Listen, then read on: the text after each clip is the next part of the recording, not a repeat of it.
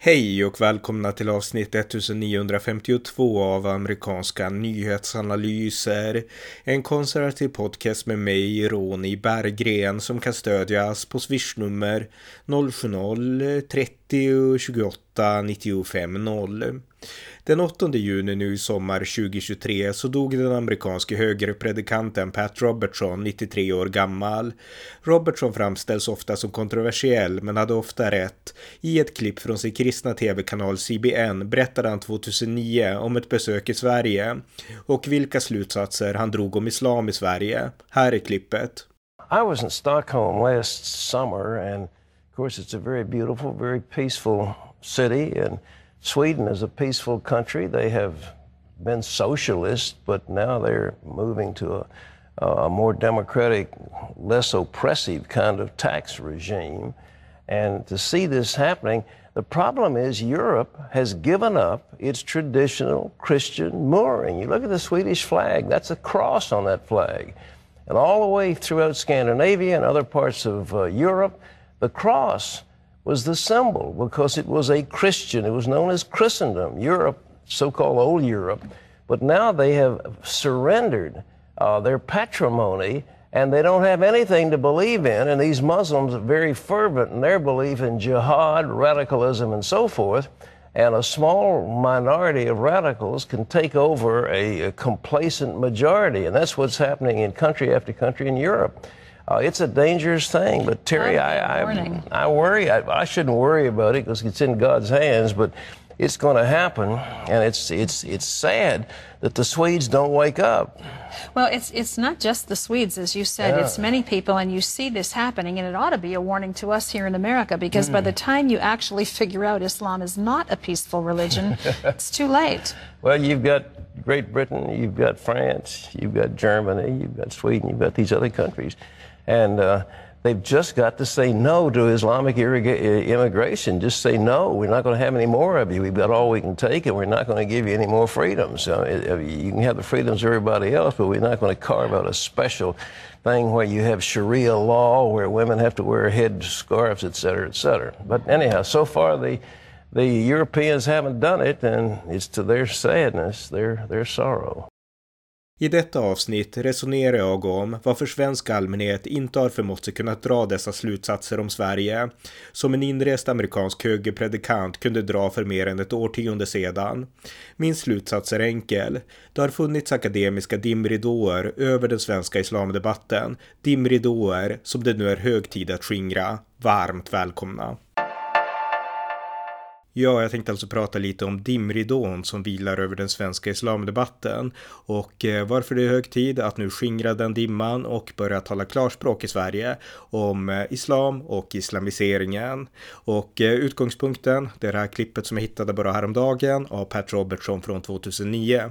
Och jag tycker att Pat Robertson, han sa helt, Eh, ja, han sa glasklara saker som var på pricken. Och eh, den fråga som jag ställde mig när jag lyssnade på klippet är varför har Sverige och svenskar inte, inte kunnat dra samma självklara slutsatser som den slutsats som Pat Robertson drog, nämligen att eh, massinvandring av muslimer leder per automatik till islamisering.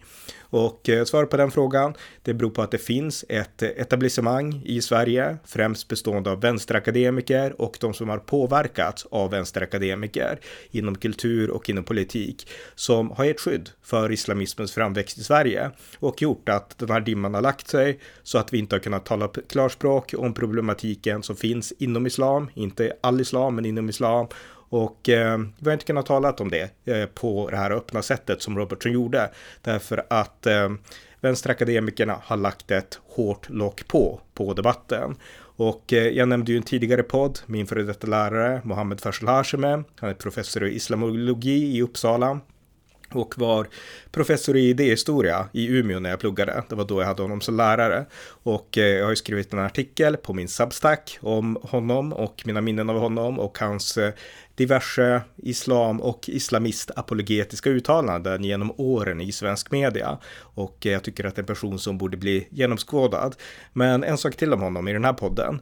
Eh, det står om Faisal Hashemi att han flyttade till Umeå på 70-talet eh, och eh, Umeå är en känd vänsterstad och en av de som kom från vänsterkanten från Umeå och Västerbotten, det var Stig Larsson. Och Stig Larsson är ju, eller han var, han dog 2004, men han var ju känd för att han dels var med och grundade Expo, den här organisationen som granskar rasism och högerextremism och liknande.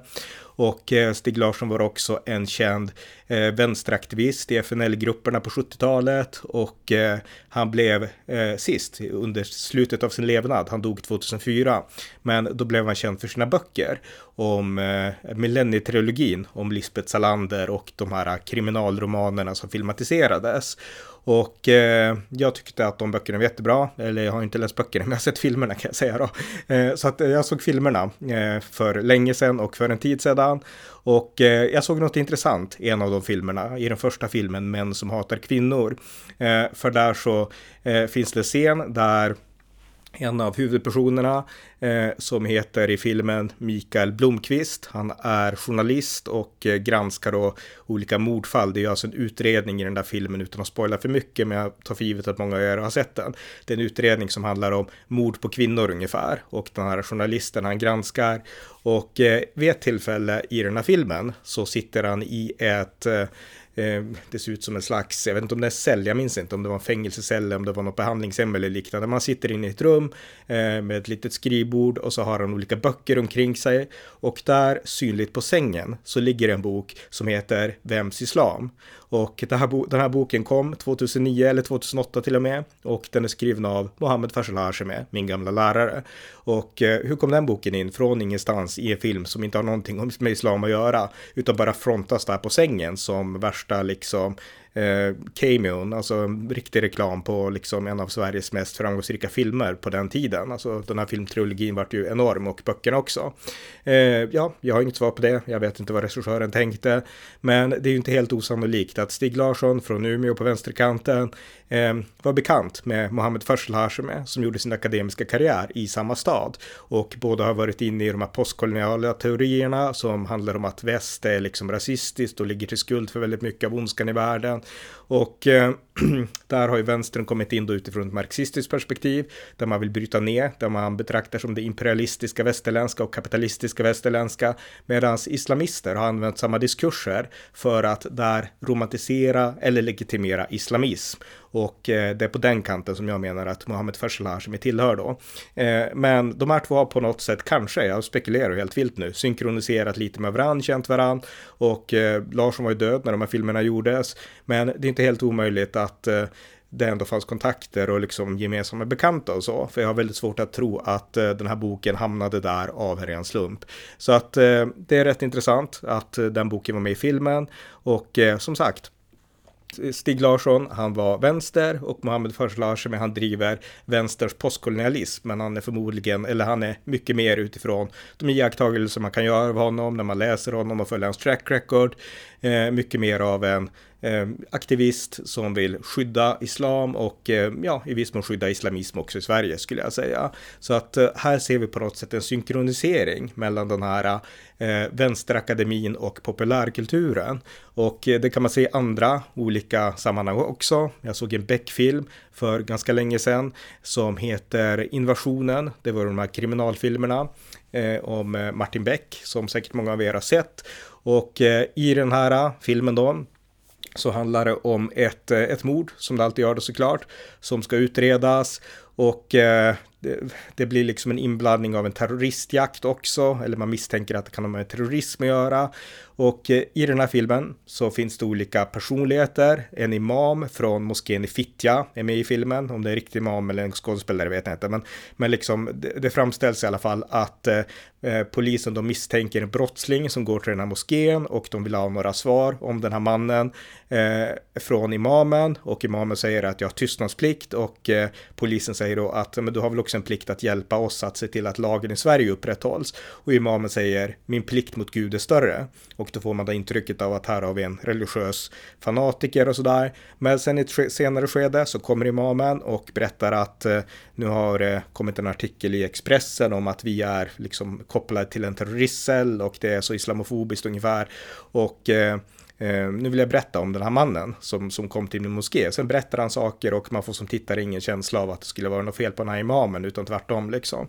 Och eh, sen finns det i den här filmen då också, och det är det som är lite kul här, eh, en annan karaktär då, en eh, svensk äldre man som går på en krycka och eh, som också är någon slags vittne, eller man tror att han är ett vittne till det här brottet. Och då går eh, den här polismannen, eh, Gunvald heter han ja, Eh, man har nästan glömt de här karaktärerna, men han, den här som är ganska brysk och liksom tuff, han går dit och ska förhöra den här personen. Och den här äldre mannen då, han eh, liksom rantar om sina fördomar, att alla som bor här nu, de är muslimer och de har hycklen på sig och sådär. Och så håller han på sådär och framstår allmänt osympatisk. Så att här har vi en film då där eh, liksom eh, imamen som finns i filmen, han, man får liksom känslan kanske lite grann, eller man undrar, liksom kan det här vara någon som skyddar terrorister? Sen inser man, men så var det verkligen inte, så kan man inte tänka. Och sen har vi den här personen som, eh, ja, i princip är schablonbilden av en SD-väljare som helt och hållet liksom uppfyller den stereotypa föreställningen och säger alla de här fördomsfulla sakerna. Så att här har vi en spelfilm som på något sätt, eh, den är också påverkad av det här liksom akademiska narrativet om att det finns stor omfattande islamofobi, titta på östergubben och muslimerna, då blir hela tiden stigmatiserade och liksom granskade med skepsis. Alltså det är ett narrativ som hamrats in i Sverige som eh, eh, på något sätt genom eh, populärkulturen också, som de här exemplen visar, får fäste eh, i allmänheten också, indirekt passivt kan man säga, för de flesta svenskar gör ju inte de här analyserna, man, man tar passivt till sig det som matas in liksom. Så att det finns en, en spå, ett spår mellan den akademiska vänstern, som i många avseenden, det är inte bara Mohamed Farsel det finns många, många andra i Sverige, som har eh, gjort vad de har kunnat akademiskt för att skönmåla islam och eh, måla upp den här bilden av att det finns en bred omfattande islamofobi i Sverige. Och eh, ja, eh, det finns säkert en islamofobi, jag tycker inte att den är bred, men om man skulle säga att kritik mot islams icke-svenska läror, alltså separation mellan män och kvinnor, syn på homosexualitet, syn på avfällingar och eh, sådana saker. Och eh, om man skulle på något sätt betrakta det som att vara islamofobiskt, att man är kritisk till det, ja då finns det en islamofobi. Men den är i så fall ganska liten, för det är inte så många som yttrar sig kritiskt på det sättet, mer än vissa politiker. Svensk allmänhet bryr sig inte så mycket. Men eh, jag har svårt att se att det skulle vara islamofobiskt. Och hatbrott mot muslimer och sådana saker, det är såklart förkastligt. Men eh, jag tycker man spelar för mycket på det här med islamofobi. Och man gör det då för att skydda de här problematiska elementen inom islam. Alltså om man gör bara de här sakerna, då vill man på något sätt skydda islam och även de aspekter av islam som inte är förenliga med svenska värderingar från att granskas kritiskt. Och det är helt, eh, ja, det är inte acceptabelt såklart, men det är det som har skett och det har liksom pumpats fram även via populärkulturen eh, på de här sätten. Och eh, ett annat exempel på det, jag menar det här når in lite överallt, eh, det här Utbildningsradion. De hade en eh, handledning för barn för en tid sedan om olika religioner och då skriver man också lite grann om profeten Muhammed och eh, man skriver så här på Utbildningsradion. Mohammed återvänder, återvänder till sin mamma i staden Mecka, men mamman dör och får flytta till sin morfar. Mohammed växer upp och han tillbringar allt mer tid i meditation på berget Hira och en dag får han besök av en ängel, det är ängel Gabriel. Och Gabriel uppmanar Mohammed att läsa den första versen ur Koranen. Mohammed förstår att han är en profet och börjar predika. Hans budskap om att, om att alla människor är lika mycket värda hotar de rika och mäktiga i staden. Eh, det här är alltså en, eh, ja, man får förmoda eftersom det är Utbildningsradion, skattefinansierad eh, beskrivning av islams profet Muhammed. Och alla som har läst islamisk historia vet att Mohammed predikade inte att alla människor är lika mycket värda, utan han predikar att man skulle vara muslim. Och var man inte muslim så var man definitivt inte lika mycket värd. Det här är liksom klassisk islamisk eh, teologi om troende och icke-troende, som man kan beskåda i praktiken genom att läsa islams historia.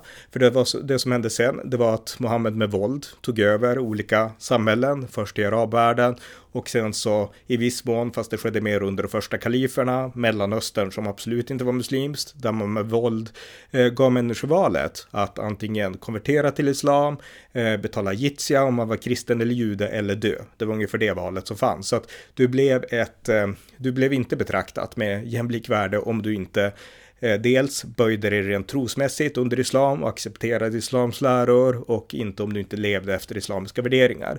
Så att här har vi liksom en beskrivning av Mohammed som inte stämmer med historien. Så att, eh, ja, här kan man se också hur de här vänsterakademiska, den här vänsterakademiska dimman har smugit sig in och eh, gett täckning även för sådana här beskrivningar i utbildningsradion i det här fallet. Och eh, den här islamapologetiska vänstern, den finns också i kulturen i Sverige på, på andra områden, den politiska kulturen och eh, ja, i olika former av såklart rena akademiska miljöer. Och häromdagen så hölls det en konferens i Malmö mot islamofobi. Den kostade 300 000 kronor av Malmös skattepengar. Och eh, Sami Egyptsson som granskar islamismen i Sverige, han berättar om vilka deltagare som var där. Och en av deltagarna, det var eh, Salahuddin Barakat. Det är en islamist som har sharia som samhällets ideal, skriver Egyptsson. Och eh, Johan Westerholm som driver sajten Ledarsidorna, han skriver i sin bok Muslimska brödraskapet, islamismen i Sverige, mer om den här eh, Salahuddin Barakat. Och han skriver då att eh, Barakat, som bland annat är imam i Islamic Center i Malmö, han intervjuades i DN av Niklas Orenius och där sa den här imamen Barakat då att han vill se en islamisk värld och eh, att i en islamisk värld ska det vara dödsstraff för avfällingar, sa han i den här intervjun. Jag har inte läst intervjun själv, men eh, citerar boken då som jag har här framför mig. Eh, sen så har eh, han också varit i, eh, han har varit lärare i Kista folkhögskola eh, som skulle vara den första imamutbildningen i Sverige och eh, i samband med det på något sätt så har han också varit i Norge och där blev då den här imamen Salahuddin Barakat känd för att han inte tog kvinnor i hand. Eh, alltså en person som uppbär stora skattepengar för att driva olika verksamheter i moskéer och i liksom eh, ja, som lärare i Sverige då. Han tar inte kvinnor i hand och han tror på något sätt att i en islamisk värld så ska det vara dödsstraff för avfällningar. Jag menar, man behöver inte säga så mycket mer, utan här har vi ett klockrent exempel på en man med helt osvenska värderingar och som dels lever på skattepengar men också sprider värderingar åt det här hållet som såklart inte hör hemma i Sverige. Det är ingen svensk som tror det här. Och eh, jag menar, det vore busenkelt att inte legitimera honom. Men det är ändå det som görs. För på den här konferensen, det här, där där han då var en av talarna, Salahuddin Barakat, så var det också två vänsterpersoner. Dels vänsterakademikern Mattias Gardell, också verksam vid Uppsala universitet. Och Gardell är en känd aktivist, jag har intervjuat honom, haft honom som lärare också. och eh, han var där och pratade om islamofobi, vilket är ett av hans favoritämnen. Eh, så han är en av dem som verkligen har lagt ut de här dimridåerna. En annan person som också var där, det var Anna Ardin. Hon är väl, tror jag, präst i kyrkan och akademiker och hon har också varit medfattare till en, och även Mattias Gardell, till en turkisk rapport om islamofobi. Och eh, när Turkiet gör sådana rapporter, då vet vi att det handlar egentligen om islamkritik. De vill liksom likställa att man är kritisk till olika aspekter av islam med islamofobi. Och det kan man inte göra om man vill ha en ärlig debatt om det hela. Utan islamofobi, om vi ska ha någon slags eh, sansat förhållande till begreppet, det kan bara bli brukligt om det jämställs med hat mot muslimer, vilket är förkastligt. Men inte om man kritiserar islam, olika kulturella aspekter eller olika lärare och så. Det är inte islamofobiskt i en svensk kontext alls. Så att, eh, jag menar, här har vi ett problem. Vi har en helt uppenbar islamist som får skattepengar för att hålla en stor konferens i Malmö och vi har den akademiska vänstern som är där och legitimerar det. Det är liksom inte svårt att inse att det här är problematiskt. Och eh, hade man haft de här självklara insikterna som Pat Robertson kom med så skulle man inte ha liksom tyckt att oj vad bra med en konferens mot islamofobi. När konferensen består av sådana här talare och eh, när det finns en sån här track record i bakgrunden. Men trots det så har så många spelat med i det här. Det finns många fler akademiker. Eh, Expressen har en ledarskribent som heter Joel Halldorf. Han är kristen, han är teolog, lärare i om det är på Linköpings universitet och eh, han har flankerat med islamister som Yasri Khan, den här eh, islamisten som blev känd i hela Sverige när han för några år sedan vägrade ta en kvinnlig reporter från TV4 i hand. Eh, helt osvenskt att inte göra det och när vi har sådana personer så öppet så borde vi inse att vi har ett problem. Men Joel Halldorf hade inga problem att ta selfies med Yasri Khan och Joel Halldorf har i olika sociala medier hypat sådana här som Mohammed Fashel Hashemeh, Eh, vilket jag tror beror på att eh, ja, Joel Halldorf är ju min ålder så han har väl kommit in lite senare, kanske läst hans böcker och sådär och ja, tycker att det verkar vara en seriös akademiker. Eh, men de här slags människorna, de har påverkat den svenska islamdebatten i mer än tre årtionden. De har kvävt debatten om islam i Sverige och gjort att vi inte har klarat av att göra de här nyktra analyserna som Pat Robertson kunde göra genom bara ett enkelt nedstamp i Sverige med grundläggande demokratiska värderingar i ryggen.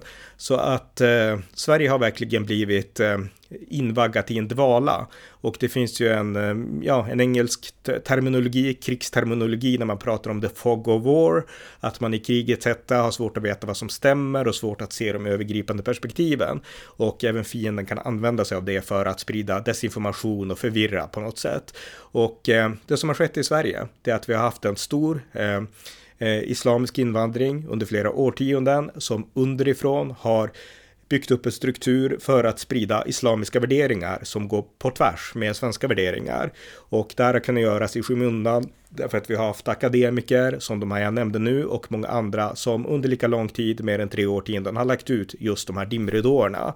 Och det är det, dimridåerna, som har gjort att svenskars instinktiva förståelse, alltså samma slags förståelse som Pat Robertson gav uttryck för, har trollats bort. Alltså svenskar har jag menar svenskar instinktivt tror inte på de här islamiska värderingarna om att kvinnor ska täcka sig, om att det ska vara könsseparation, om att man inte får liksom smäda religion eller byta religion eller sådana saker. Alltså svenskar tror inte så alls. Det är ju liksom ja, jag behöver inte förklara det, liksom, det vet alla ni som lyssnar. Det börjar att svenskar har på något sätt eh, låtit bli att tänka på det, att det kan vara ett problem att vi får in krafter som tror de här icke-svenska sakerna. Vi har låtit bli att tänka på det på grund av den här dimman som akademikerna har lagt ut. Och eh, min, eh, ja, min ståndpunkt är ganska tydlig. Det är hög tid att skingra den dimman och ta tillbaka de här naturliga instinkterna som inte är islamofobiska utan det handlar om att värna det svenska. Kommer man till Sverige så måste man anpassa sig till Sverige och till svenska värderingar. Och gör man det inte det så kan man såklart inte vara i Sverige. Det är inte svårare än så. Så att jag menar, det behövs på något sätt, dimman måste lyftas av och det behövs personer som börjar engagera sig i den här debatten. Det behövs också ett medielandskap som vaknar upp. Alltså jag har nu gett exempel på dels populärkulturen, men även media, utbildningsradion. Det finns otaliga exempel där man spelar med i det här, där man på något sätt utmålar Eh, den så kallade islamofobin som den nya fascismen, medan man är blind för den verkliga fascismen, Muslimska brödraskapets aktiviteter och annat i Sverige, som är eh, alltså politisk islam i form av fascism. Eh, man blundar inför sånt och man spelar med i de här vänsterakademiska narrativen. Och eh, jag tycker att media borde upphöra med det. För jag menar, faktum är att vänsterliberal media i Sverige, de är, när det kommer till kritan, just det, nämligen vänster eller liberaler. De är inte islamister, utan anledningen till att de spelar med, det är att de blir rädda. De vill inte på något sätt vara främlingsfientliga och eh, det är exakt den rädslan som sådana här akademiker har pressat ner på politiker och på allmänhet och på ja, mediachefer och liknande. Och eh, det är därför de spelar med i det här. Men de är inte islamister. Så jag menar, när svensk media väl vaknar upp, eh, eller rättare sagt svensk media borde vakna upp och inse vad som pågår och utifrån det börja granska islamismen mer kritiskt än vad som nu har gjorts. Jag menar, så det behövs ledarskap även inom media i de här frågorna. Därför att faktum är att eh, Pat Robertson, han gjorde en klockren analys och Sverige skulle ha gynnats av om vi hade kunnat göra samma analys i ett tidigare skede. Då hade vi inte varit i den situation vi nu är. Men bättre sent än aldrig, så låt oss skingra dimman och börja prata mer klarspråk om islam, påverkan på Sverige och islamiseringen av Sverige och vad vi ska göra åt det för att se till att Sverige blir ett land som domineras av, präglas av och styrs av svenska värderingar. I was in Stockholm last summer and of course it's a very beautiful, very peaceful city and Sweden is a peaceful country. They have been socialist but now they're moving to a a more democratic, less oppressive kind of tax regime. And to see this happening, the problem is Europe has given up its traditional Christian mooring. You look at the Swedish flag, that's a cross on that flag. And all the way throughout Scandinavia and other parts of uh, Europe, the cross was the symbol because it was a Christian. It was known as Christendom, Europe, so called Old Europe. But now they have surrendered uh, their patrimony and they don't have anything to believe in. And these Muslims are very fervent in their belief in jihad, radicalism, and so forth. And a small minority of radicals can take over a, a complacent majority. And that's what's happening in country after country in Europe. Uh, it's a dangerous thing, but Terry, I, I, I, worry. I, I shouldn't worry about it because it's in God's hands. But it's going to happen, and it's it's it's sad that the Swedes don't wake up. Well, it's it's not just the Swedes, as you said. Yeah. It's many people, and you see this happening, and it ought to be a warning to us here in America because mm. by hmm. the time you actually figure out Islam is not a peaceful religion, it's too late. Well, you've got Great Britain, you've got France, you've got Germany, you've got Sweden, you've got these other countries, and. Uh, They've just got to say no to Islamic immigration. Just say no. We're not going to have any more of you. We've got all we can take, and we're not going to give you any more freedoms. Uh, uh, you can have the freedoms of everybody else, but we're not going to carve out a special thing where you have Sharia law, where women have to wear head scarves, et cetera, et cetera. But anyhow, so far the the Europeans haven't done it, and it's to their sadness, their their sorrow. Tack för att ni har lyssnat på amerikanska nyhetsanalyser. En konservativ podcast som kan stödjas på swishnummer 070-30 28 95 0 eller via hemsidan på Paypal, Patreon eller bankkonto. Skänk också gärna en slant till valfri Ukraina-hjälp. Allt gott tills nästa gång.